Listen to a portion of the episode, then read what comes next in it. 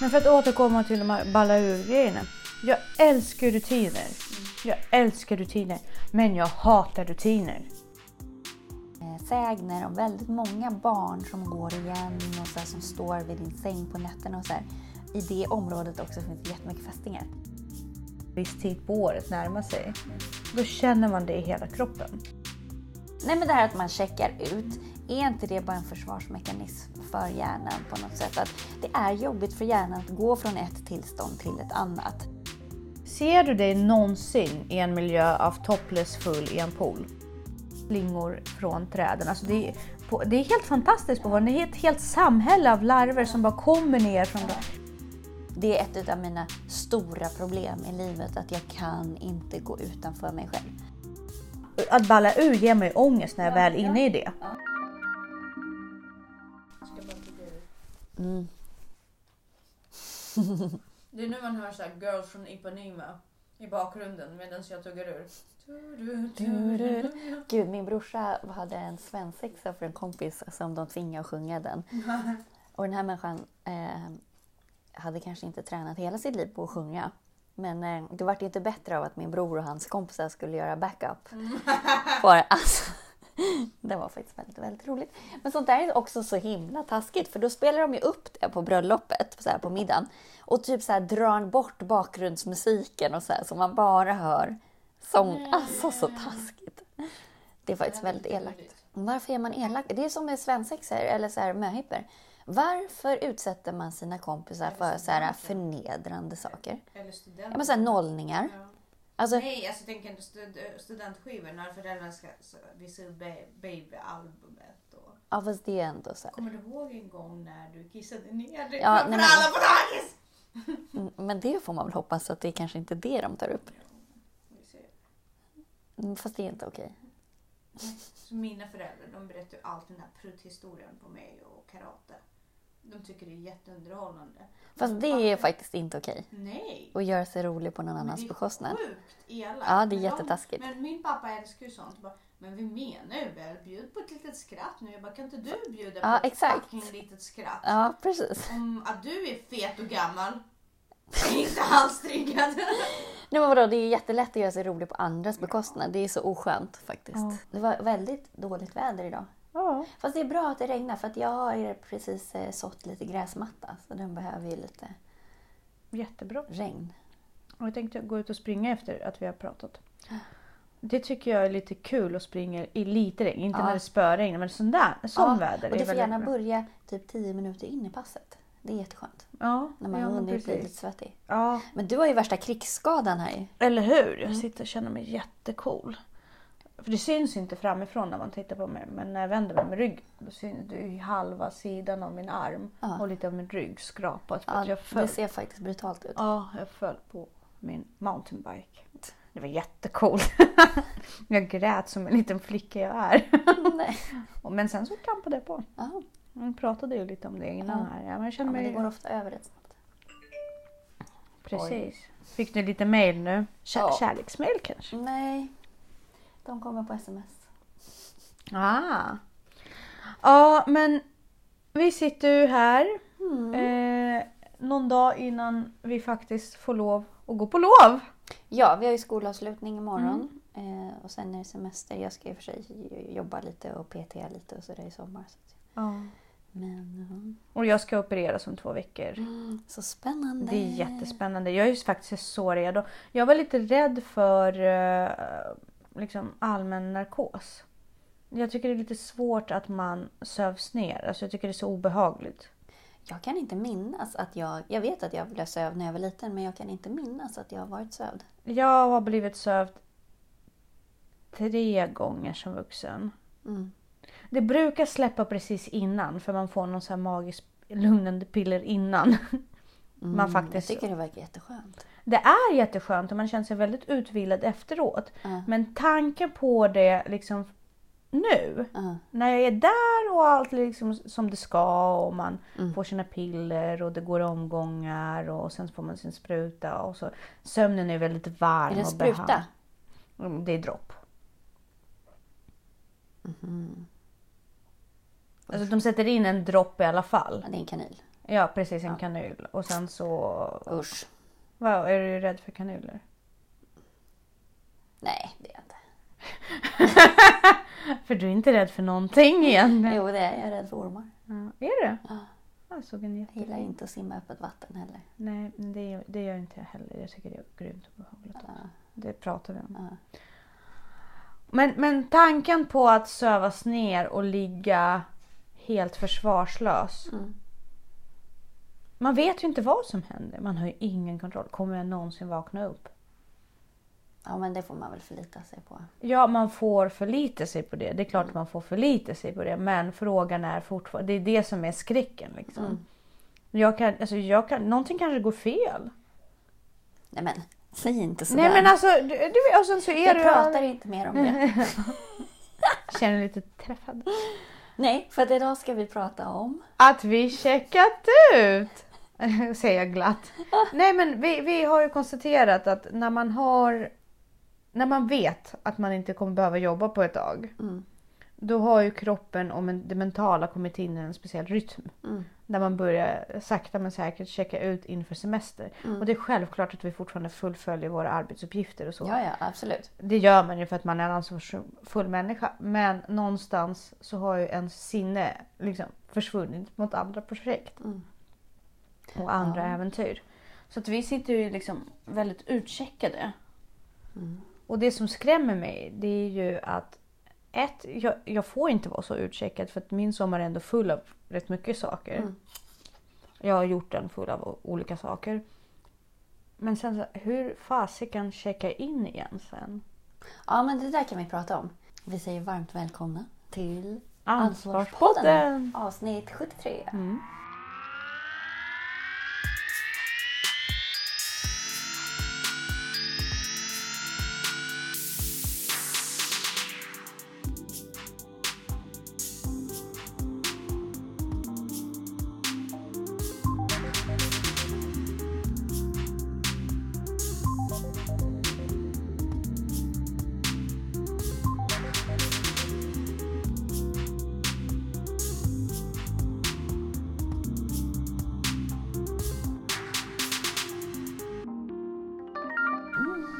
Det bara kryper uppåt.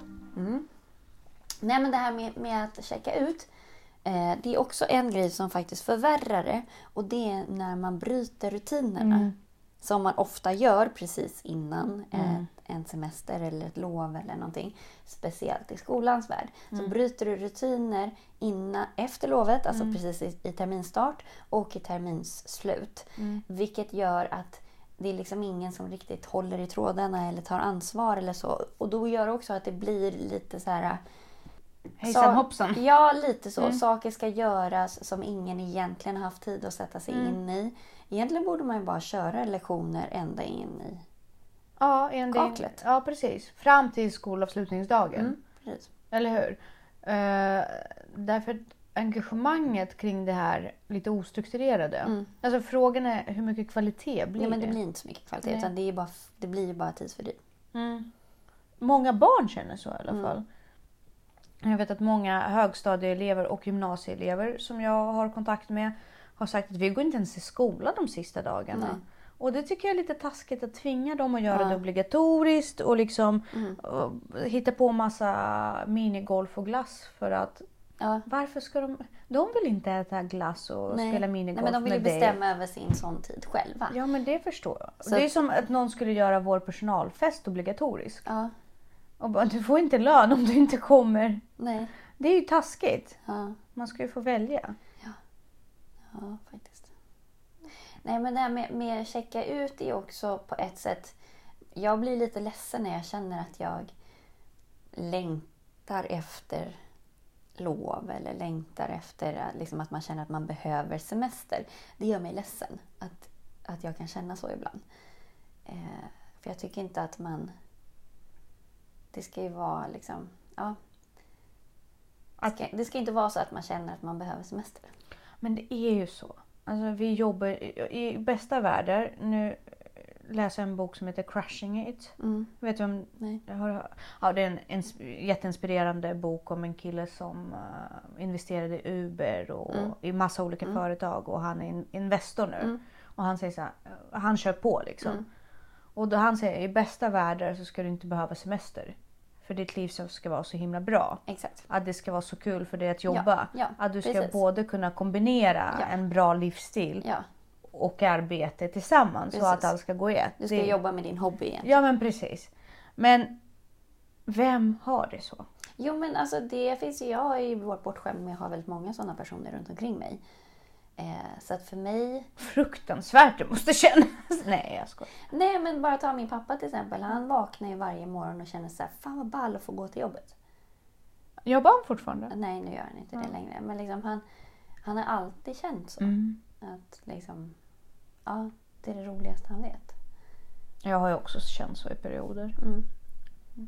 Ja, men jag, tycker att det, det, jag tycker att det är ett fantastiskt roligt jobb jag har, men jag är inte mitt jobb. Nej. Och det hade varit kul att vara det. Ja. Tycker jag i alla fall. Mm. Ja, för det optimala vore ju faktiskt att kombinera för då, då tar det aldrig slut heller. Man ökar ju både sin livsstil, äh, äh, ja, livskvalitet och kapital samtidigt. Man tröttnar aldrig. Nej. Nej, men och sen förhoppningsvis så blir man ju väldigt bra på det man tycker är kul. Alltså att det finns ju en ganska stark drivkraft och motor bakom det. Precis. Men då är frågan, för han pratar rätt mycket om att eh, Gary Vaynerchuk heter han. Mm. Gary Vayner, och den boken är rätt känd. Den heter Crushing It. Mm. Eller Crush It heter den. Kom ut 2009. Men han pratar också väldigt mycket om att man inte får ge upp och verkligen kötta, kötta, kötta och jobba, Mm. jobba, jobba. Och nästan dygnet runt. Mm. Ja, men det är lite det vi pratade om också tidigare, alltså det här med talang. Och, talang har ju väldigt lite med saker att göra, utan det är ju det här att inte ge upp, alltså att göra jobbet ordentligt och att verkligen, ja, inte ge upp. Men när ska, och det har vi också Mm. pratat om. För efter ett tag känns det som att vissa idéer är inte tillräckligt bra. De ger inte avkastning. Nej, och där är också, får man ju också se vad är syftet med idén. Är syften för jag, jag gör det här för att jag tycker att det är så himla kul. Eller är det huvudsyftet att tjäna pengar? Då får man ju verkligen göra en utvärdering på vad som ger mest avkastning för arbetstid. Men det behöver ju inte vara roligt att tjäna pengar. Alltså, den arbetsuppgift du gör då för att tjäna pengar behöver ju inte vara rolig och är det då värt att göra det? Är det du som berättade om fiskaren? Ja. Ja. Jag kommer ofta tillbaka till den historien. Mm. Vi ska kanske fräscha upp den. Ja, men det är den här McKenzie-konsulten som går förbi en fiskare som sitter och fiskar. Eh, så frågar han hur många fiskar han får upp och så där. Så börjar han ju räkna på det där och bara, men vet du, om, eh, om du skaffar en flott, liksom köper en båt, fiskebåt så kan du ta upp sig så många fler fiskar. Så kan du köpa flera fiskebåtar och så kan du liksom sälja hur mycket som helst och göra stor omsättning och så kan du utöka och så kan du tjäna jättemycket pengar och så här. Och den här fiskaren frågar liksom, men varför skulle jag vilja tjäna mera pengar? Ja, så då kan du på ålderns höst kan du luta dig, eller så här, vad är det du vill göra egentligen? Ja, jag vill umgås med min familj och så här, ja men då kan du luta dig tillbaka och sälja av det här företaget och sen så kan du ehm, ja, umgås mer med din familj och sitta och fiska någon gång ibland och så här. Han bara, men det är ju det jag gör just nu. Precis. Alltså det, så här, det blir som en så här, ja, Och det, det tror jag också är en av anledningarna till varför många ger upp. Därför att jag tror inte att många människor inser vad målet är. Varför tjänar man mer pengar? ja precis. Och vad betyder pengar? Ehm, och hur mycket pengar måste du ha för att bli lugn? Precis. Är det för att du ska bli fri och köpa dig fri från alla problem? Ja. Det kommer du aldrig göra. Nej. Nej, men det- finns ju folk som har pengar. Alltså det finns ju någon sån här formel. Alltså så här, du, ja, på 10 miljoner så kan du faktiskt leva på avkastningen. Eh, Så att har du 10 miljoner så är du i princip ekonomiskt oberoende. eh, Rent tekniskt. För du kan leva på avkastningen. Men det finns ju väldigt många som ändå vill fortsätta att tjäna mer pengar. Eller fortsätta och... Jag skulle nog vara rätt... Alltså om jag hade 10 miljoner och kunde leva på avkastningen. Då skulle jag göra det. Jag tror att du tror det Faktiskt. nu. Men sen skulle du bli superrastlös. Jo, men då kan man i alla fall då kan du ju välja så här. Då skulle man ju, jo, men jag skulle nog välja att fortsätta jobba kanske så här tre dagar i veckan eller något sånt. Men just det där att man inte styrs. Jag har ju mitt val av yrke är absolut inte styrt av att hade jag velat tjäna pengar då hade jag ju blivit ekonom. Det hade jag absolut inte blivit lärare. Eh, utan mitt val att bli lärare styrdes ju snarare av att jag är bra på träning och jag är bra på... Alltså jag är bra på det. Och motivera folk. Ja, men alltså jag, alltså jag är ju bra på pedagogik och jag är bra på att lära ut. Jag är bra på att hitta på roliga saker. Mm. Liksom. Jag gillar och just idrottsämnet är ju perfekt för mig. Och jag är bra på idrott. Eh, Liksom, Ja. Jag kan det. Och jag kan näringslära, jag kan kroppen, jag kan liksom. Jag är bra på mental träning och sådana saker. Så det är ju för att jag har lätt för det. Mm. Eh, och då någonstans så blir man ju bra på det också. Samtidigt som jag tänkte så här, ja, men jag kommer ju skaffa barn någon gång och då är det smidigt att ha samma tider. Som, alltså lärare är ett jävligt bra jobb att ha när man har barn. Absolut. Det är ju superbra. Eh, och sen tänkte jag också så här, om jag skulle vilja göra någonting annat så finns det ju faktiskt, det är ett, sånt, det är ett yrke som det är ganska enkelt att sadla om från också. För att det är ändå ganska brett och, och så. Men sen blir man ju, alltså det är ju väldigt roligt. Och det är inte överansträngande. Alltså du har fortfarande, du kan göra massa andra saker också. Absolut. Jag tänkte på det att många klagar på, att, eh, på jobb i skolan. Det är så mycket. Och... Men jag tror att det handlar mer om vad man är för personlighet. Mm. Alltså om man inte, och så är det ju med alla jobb. Om du inte lämnar jobbet så Mm. blir alla jobb jobbiga. Och det finns ju, med lärare finns det ju inget stopp. Nej. Men det finns det ju, det är ju jättemånga jobb där det inte finns något stopp. Du kan alltid jobba mer ja. och alltid göra. Det är ingen som tackar dig för att du sitter och, och gör över. Men jag tycker att läroplanen är en ganska rimlig ribba. Det står ju ganska tydligt i läroplanen vad ditt uppdrag är.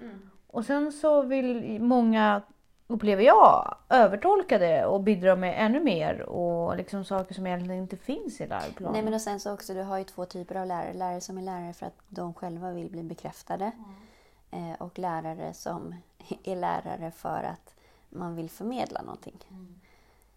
Eh, och andelen som är lärare för att bli bekräftade är väldigt stor. Och det är få yrken som du faktiskt får så mycket skit i också. Så att det är svårt att faktiskt bli tillfredsställd i sin bekräftelse. Eh, På jobb på, som lärare? Ja, det är Jag väldigt volatilt. Liksom. Det, du kan Ja. vara uppskattad ena dagen och sen så kan det vara liksom... Eh, så att du måste ju ha ganska stark integritet eller självkänsla för Mm. att... Annars så kan det ju bli övermäktigt. Jag kan ju också uh, ifrågasätta lite, för du, du sa att det är ett ganska bra yrke att ha när man har barn, att vara lärare. Jag håller med dig. Jag bara tänker så här, varför tänker inte fler män så? Eller hur? För att jag tror att män generellt som yrkeskategori tycker nog inte att det... Alltså jag tror att fler kvinnor kan tycka att läraryrket också är roligt. Tror inte att män tycker det på samma sätt. För det finns ett visst mått av så här omhändertagande och liksom... Eh, det, alltså män tror jag generellt är mer pengadrivna. Alltså det finns ju någon nerärvd arvs... Liksom att män ska dra in pengar. Att det är deras uppdrag. Kvinnor kanske inte har det på samma, samma press på sig. Och särskilt inte om mannen drar in pengarna.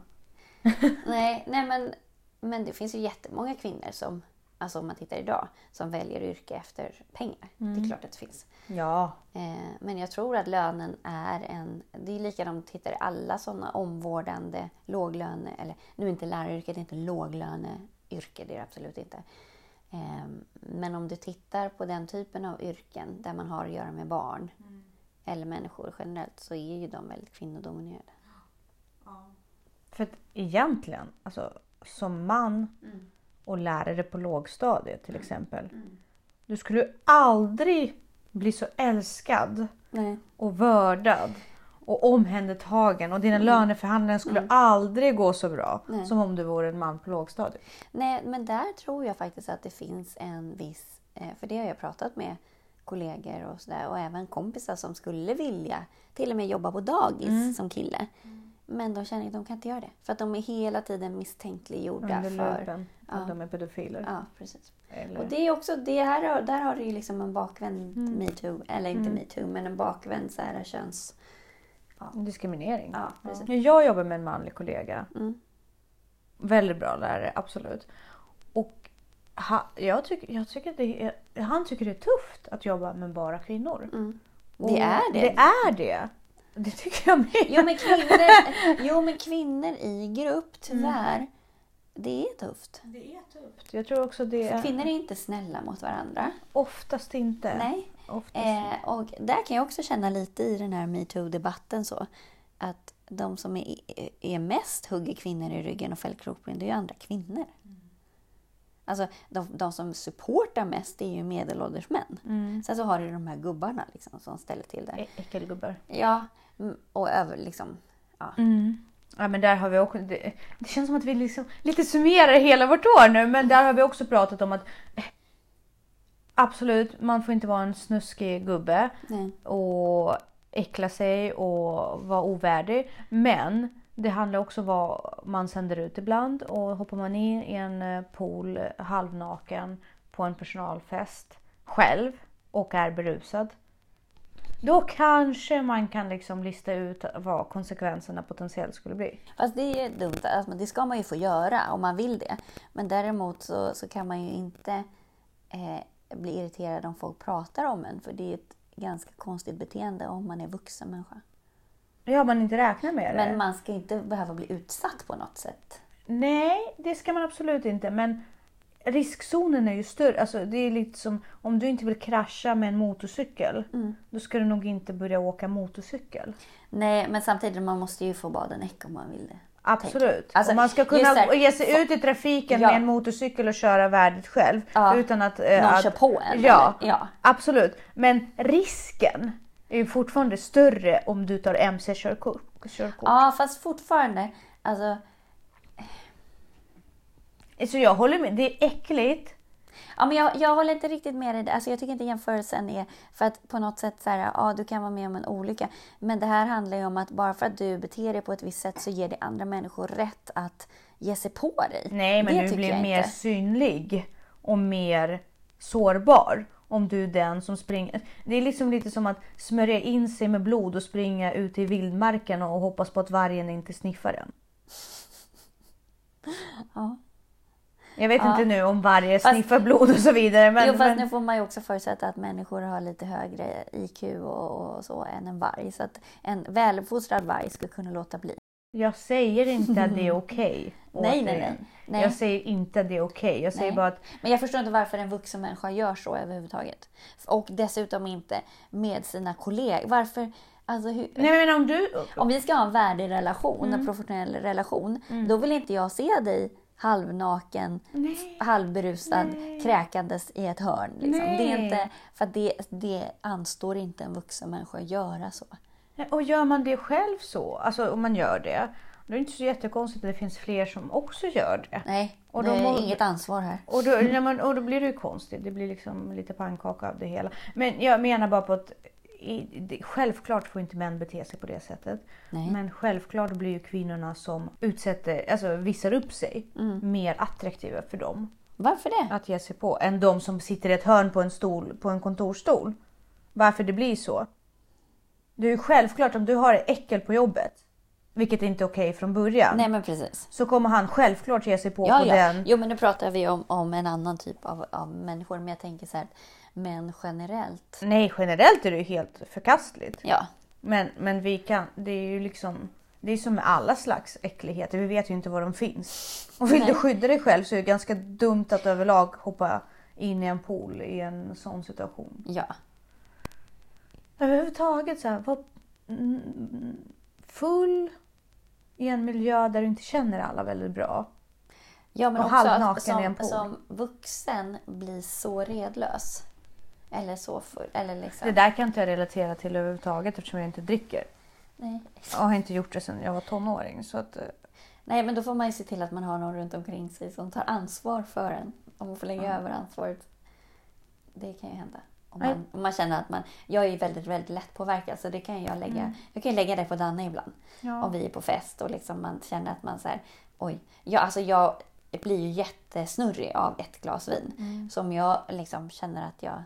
Då kan jag säga, nu, nu får du ta ansvar för Men det är ju också en av liksom. anledningarna till varför jag inte dricker. Jag är också väldigt lätt påverkad. Mm. Och jag gillar inte känslan av att förlora kontroll. Nej, jag har inget emot den känslan om liksom i en trygg miljö eller liksom... Nej, jag blir bara trött. Ja, det kan man ju bli om man är trött redan från början. Det där är också så där, tänker jag, just det här att det förstärks. Stress förstärker ju också, det slår ju ut. Det gör ju att man inte... Alltså kognitiva förmågor sänks ju. Och det kanske är det som händer också när man börjar checka ut inför en semester. Om man är väldigt, väldigt man är stressad eller trött. Men jag tror att man blir ju trött inför varje semester men folk som inte har semester blir ju inte trötta. Så det finns ju en, en viss mental utloggning. Exakt. Min man som inte har sommarlov. Ja visst, han kan bli lite så här, åh vad trevligt och sommaren kommer. Men han checkar inte ut. Han har ju fortfarande bokslut liksom och månadsavslut och vad han vad nu ekonomer sysslar Men med. det tycker jag Vad är det för roligt ekonomer sysslar med vad de gör nu på sitt kontor. Ja. Eh, han har ju alla sina siffror ändå som han måste hålla reda på. ja. Men jag blir ju totalt, alltså för jag har. Men jag blir det när, när rutiner bryts. Då blir jag, då blir jag latare, eller vad man ska säga. Men, men där gäller det ju att... Även, jag tycker att det är svårt också när man gör aktiviteter som är kollektiva. För då har man tappat lite av makten över sin egen tid och sin egen planering. Så att jag kan tycka att det hjälper att liksom vara väl förberedd själv och hålla i sin egen planering och liksom styra upp själv. Men det kanske inte alltid man orkar det. Men överhuvudtaget så gör kollektiva arbetsuppgifter gör ju mig tröttare för att jag har inte kontrollen. Och jag har inte makt. Och det blir också så här, om någon annan, om man delar på ansvaret så är det lättare att släppa mer ansvar än om man vet att det står och faller med mig. Då tar man ju allting, då gör man ju allting. Och sen den, är det så att ju fler involveras desto fler viljor måste man räkna med. Ja. Och andra, alla kanske inte vill ha samma kvalitetskvot eh, som du. Och då blir du bara trött för att Ja. effektiviteten i det hela är inte den du Nej, önskar precis. dig. Och då är det så här, då är det inte ens värt någonting. Nej men det är grupparbetets dilemma. Men å andra sidan så säger sociologer att sådana här schemabrytande aktiviteter och lite så här festivalaktiga grejer är väldigt bra för människor överlag. Varför det? För de, de behöver balla ur. Ja, det där förstår jag inte riktigt. Mm, Människor behöver balla ur Varför det? För att uppskatta rutinen sen. För det är psykiskt påfrestande att balla ur. Många får ångest av det. Ungdomar får ofta ångest Jobbigt. inför sommarlov också för att många är så inskolade på att gå upp. Och första dagarna kan vara väldigt jobbiga just att man, man vet inte vad man ska göra innan man hittar det här semestertakten. För det, det har man ju också. Till slutet av semestern har man ju utarbetat någon form av rutin Mm. för hur en semester är. Ja, absolut. Eller hur? Ja, eller det styr jag på. Jag får ju, men jag får ju den ångesten. Alltså jag uppskattar ju rutinerna varenda dag. För jag åker ju ur rutin. Det räcker med att jag åker ur rutinen liksom två timmar. Så blir jag, får jag nästan så här, mår jag dåligt. Men det är också, hänger ihop lite med det här med prokrastinering och så. Och det här att, att skapa vikten av rutiner. Och den här balansen mellan att också hjärnan behöver vila. Så den checkar ju ut sig själv om den blir överansträngd. Ja. Men för att återkomma till de här balla ur-grejerna. Jag älskar rutiner. Mm. Jag älskar rutiner. Men jag hatar rutiner. Förstår du hur jag tänker då? Ja, jo, men jag, det, jag förstår dig. Och jag bara känner att jag älskar rutiner bara. Jag älskar när det är uppstyrt. Jag älskar det också. Jag vet att jag behöver det. Hela min existens behöver Men det är det. ju för att jag inte är sån.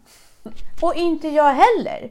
Och därför känner jag att jag behöver få Mm. komma ut ur den här korsetten ibland. Jag behöver bara vara i korsetten för att annars händer det massa. Jaha, för jag känner att jag behöver, men sen behöver jag snöras in i den jättefort igen. Alltså tillbaka verkligen. Jag måste, ibland springer jag bara Ja. tillbaka till min korsett liksom. Ja, ja men jag med. För jag kan känna mig lite ibland som så här, you're an accident waiting to happen. Jo, men så är det.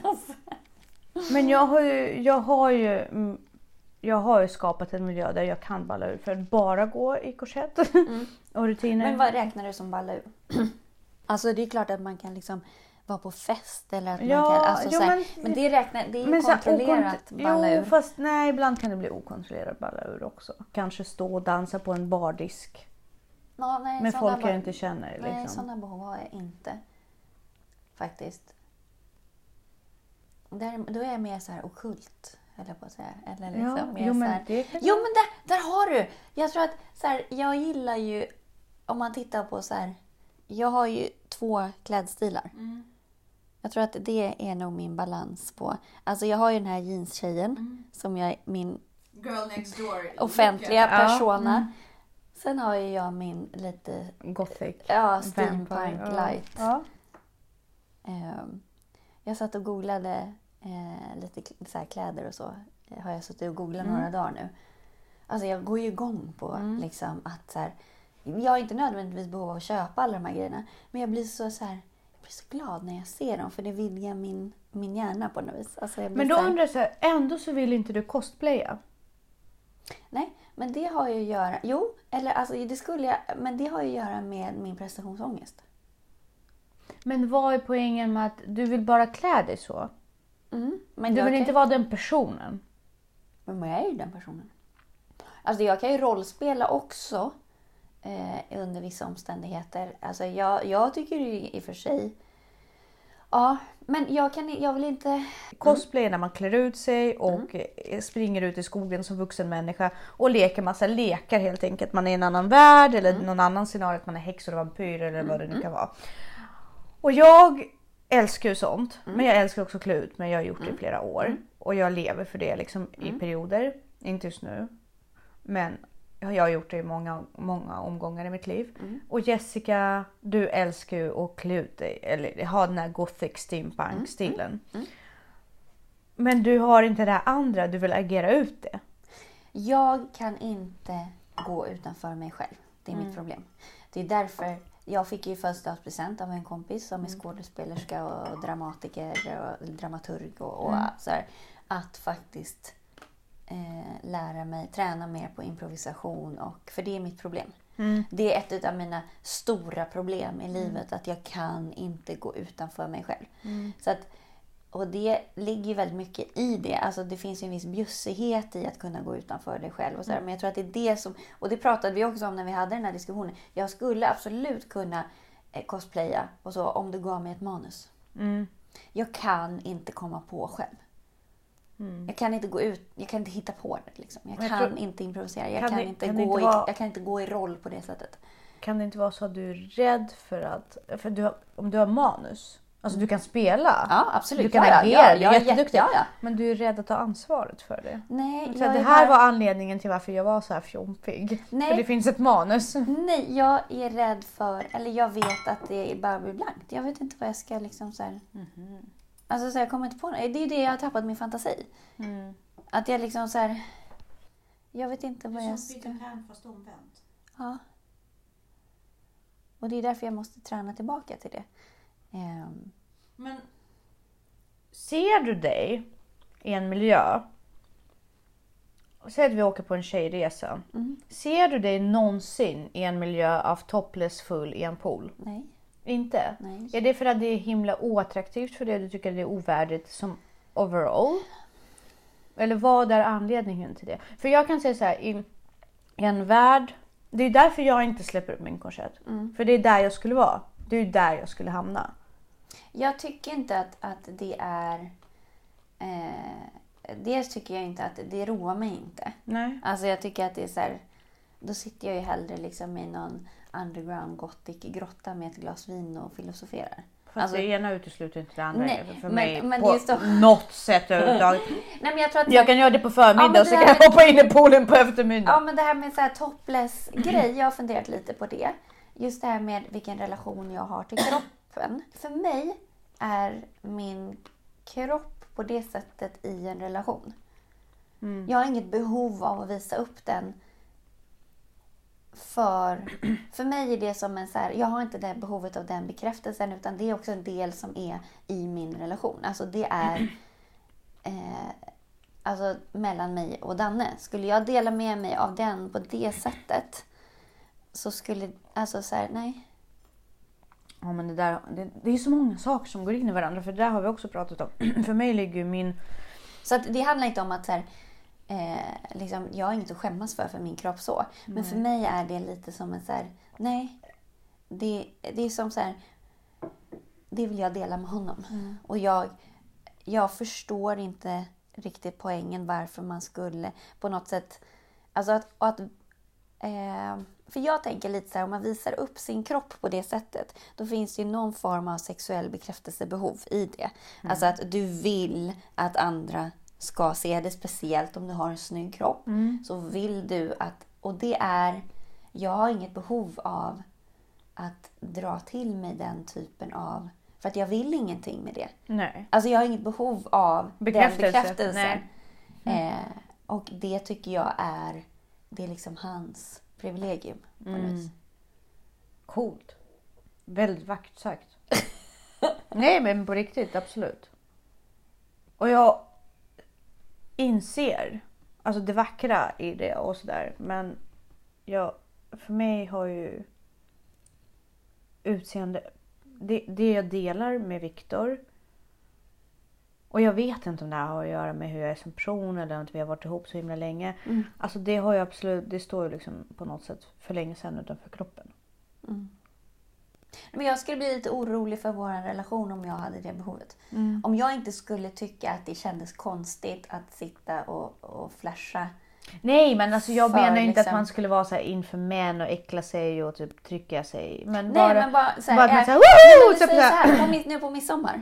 Skulle jag sitta äh, och basta Mm. med alla andra och liksom äh, bara rakt upp och ner på en handduk Mm. utan någonting när andra är, det är inte för att jag är, tycker att jag är obekväm i min kropp. Det är Mm. för att jag tycker att det är, det är inte deras, alltså Det är inte deras plats att se din kropp. Liksom. Nej, för det Mm. är Dannes privilegium.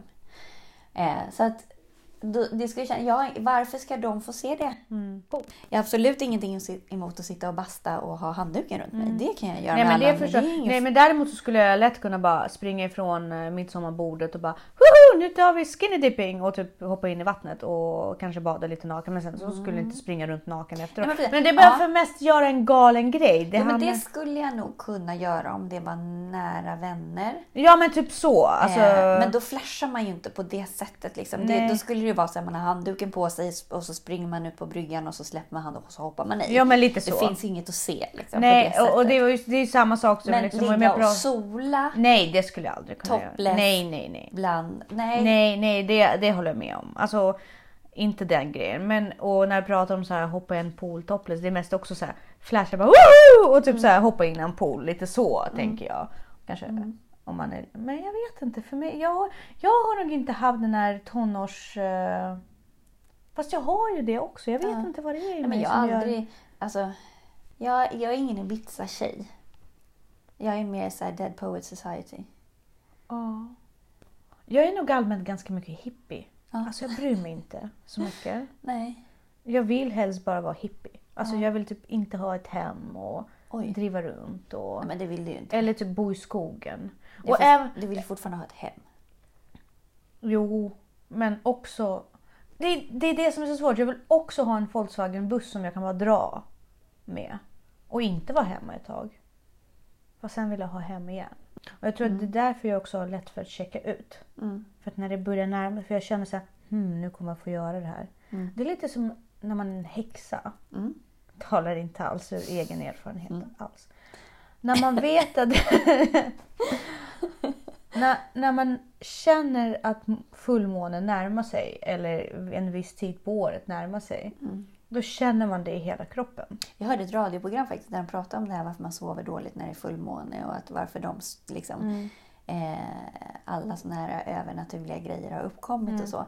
Att det har inte alls med, med någon form av dragningskraft eller övernaturlighet att göra att vi sover dåligt när det är fullmåne.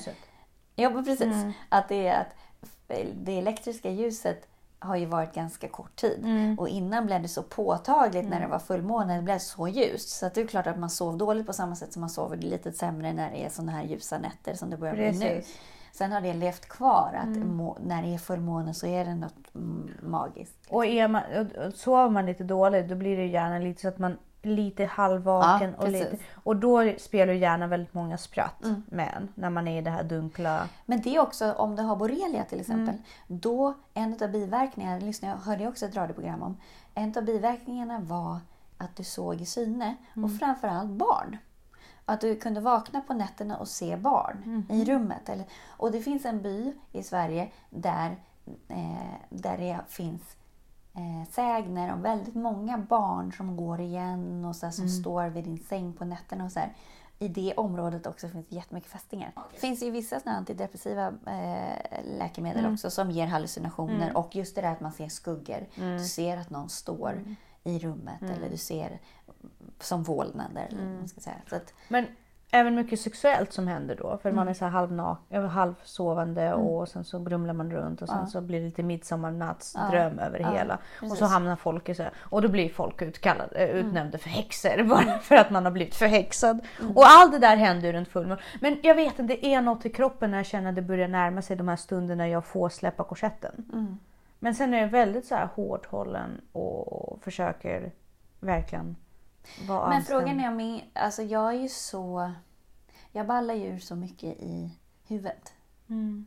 Jag tror att jag får ut det mesta i min fantasi och i min... Eh, och sen måste jag... Alltså det är nästan så att jag fysiskt nästan kan tycka att det är skönt att till och med ha korsett på mig för att jag känner att jag behöver hållas ihop. Att, jag, det måste, vara- att det blir lite ordning och kontroll på mig då. För det är så... Eh, ja, mitt Alltså- inre är så Jag, jag är så långt ifrån härifrån egentligen, från den här världen och så. Ja, Så för mig om någonting inte händer på riktigt, ja, då händer det inte. Alltså jag har så här, det är lite tvärtom. ja. Jag, bekräftelsen att det händer på riktigt eller att mina tankar är på riktigt eller att jag överhuvudtaget fortfarande lever Mm. behöver bekräftas av det fysiska stimulin. Okej.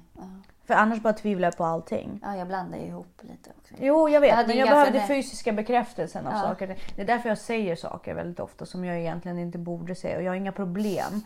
Men vad är existensen egentligen? Om du Nej, tänker? Alltså, det är ju liksom, nej, nej. vi pratar inte om det. nu, nu släpper vi det. För nu är så nära utballningsgränsen. Nej men det här att man checkar ut, Mm. är inte det bara en försvarsmekanism för hjärnan på något sätt? Att det är jobbigt för hjärnan att gå från ett tillstånd till ett annat. Så att man på något sätt måste... För det finns ju ingen anledning i att checka ut egentligen bara för att man ska byta tillstånd. Bara för att man ska gå från en... Men är, att hjärnan är på väg redan, att den funkar så. Den Ja. ligger några steg före. Så att, och då hamnar du i ett litet undantagstillstånd som...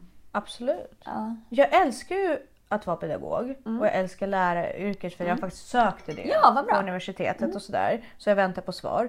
Jag älskar den miljön. Men jag tror att jag fastnade i den miljön från början från att Mm. ha varit inne på att vara statsvetare på grund av loven. Därför att min existens behöver det. Jag behöver pauser. Men jag vet när jag började som lärare, jag tyckte det var skitjobbigt med loven. Nej. Alltså jag blev så här, åh nej, kommer det vara lov nu? Och sen så när jag hade lov så bara, måste det vara lov? Kan jag få börja snart igen? Nej, herregud, nej. Så känner Och nu inte är jag. jag ju, tycker jag, uppskattar jag ju loven väldigt mycket. Ehm, Jag behöver lov därför att jag, jag, eh, jag klarar inte av att vara vuxen på det sättet i långa perioder. Jag gör inte det. Jag, är, jag, jag gillar inte normer och värderingar och allt det där. Och jag tycker om konstiga människor och konstiga saker. Och det, tyvärr så lever vi i ett samhälle mm, där det inte är så. Nej. Det är därför jag säger att jag är en hippie egentligen. Jag vill bara att folk ska vara. Jag gillar ju måndagar. Jag gillar ju inte att vara ledig. Jag gillar inte lov. För, eller jag, jag kan vara ledig men då, ska det vara, då måste jag strukturera upp det. ja. Så att mina semestrar är ju väldigt så här, Mm. Alltså det bästa jag vet är ju typ så här, vara på Sandhamn och göra samma sak tiden. Men jag kan uppleva att ibland när jag har mina balla ur-helger eller balla ur-dagar eller balla ur-perioder. Jag behöver en punkt när det tar slut. Mm. För annars skrämmer det mig. Det, att, att balla ur ger mig ångest när jag Ja, väl är ja. inne i det. Ja, Och då kan jag bara, gud vad skönt, nu kan jag få göra. Men det är, sån är jag. Ja. Jag vet inte. Det är en väldigt konstig tillstånd. Jag tycker om och ordning och väldigt, men Mm. det är svart och vitt. Det är väldigt sådär Mm. stigmatiskt liksom. Mm. Det, ja men det är spännande. men vi håller på att checka ut för Mm. sommarlovet. Ja, eller ska vi snarare säga att vi kanske inte checka ut men vi håller på att eh, Byta fas. ja, transformera in i nästa fas. Ja, precis. Vi är som de här larverna på gården. Vi har en fantastiskt fin gård som, som har blivit omrenoverad nu. Och där finns det en ek tror jag. Ja, jag såg larverna idag. Ja, och varje år så kommer larverna på sina små slingor från träden. Alltså det, är, på, det är helt fantastiskt på. Ja. våren. Det är ett helt samhälle av larver Ja. som bara kommer ner från Ja.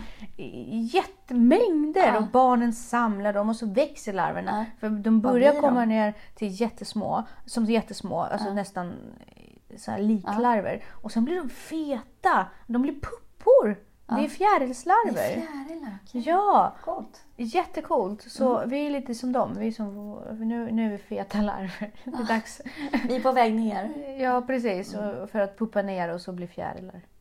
Nej, men för mig handlar det egentligen bara om att, att logga ut och starta upp någonting annat. Jag är ju väldigt, väldigt sällan tar det lugnt. Utan det handlar ju mer om att säga, okej, nu under semestern då kommer jag ju ha tid med alla andra grejer Mm, som jag behöver ta tag i och, och så här, renovera hus och eh, f- jobba på andra saker och köra mer PT och liksom, ja men allt. Så att jag jobbar ju hela tiden med olika saker. Mm.